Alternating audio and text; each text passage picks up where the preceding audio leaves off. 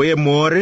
Kom ons lees saam die woord van God uit Psalm 10 vers 1 tot uh, 4. Waarom staan u so ver weg, Here? Waarom trek u u terug in tye van nood?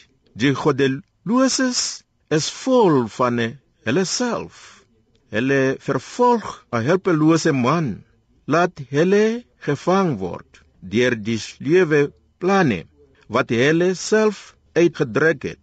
Die goddelose verlustig hom nou al en wat hy hoop om in die hande te kry, die een wat hom wil verryk ten koste van 'n ander, wens homself by 'n voorbad gesluk. Hy verag die Here. Nees die lig sê hy, God vra tog geen rekenskap nie. In sy planne is daar geen plek vir God nie. Hierdie Psalm begin met 'n vraag. Hy sê: "Waarom staan u so ver weg, Here? Waarom trek u u terug in tye van nood?" Die goddelose is vol van hulle self, aangesien hulle dink nou hulle is besig om te wen. Daar is tyd in die lewe van 'n mens waar jy voel dat die Here gee nie meer om vir jou nie. Jy vra hierdie vraag: Waarom staan U so ver weg, Here? Veral as die dinge nie goed gaan in jou lewe nie. Die eerste ding wat kom aan jou is om te sê die Here het my verlaat. Die Here hoor nie meer van my gebede nie.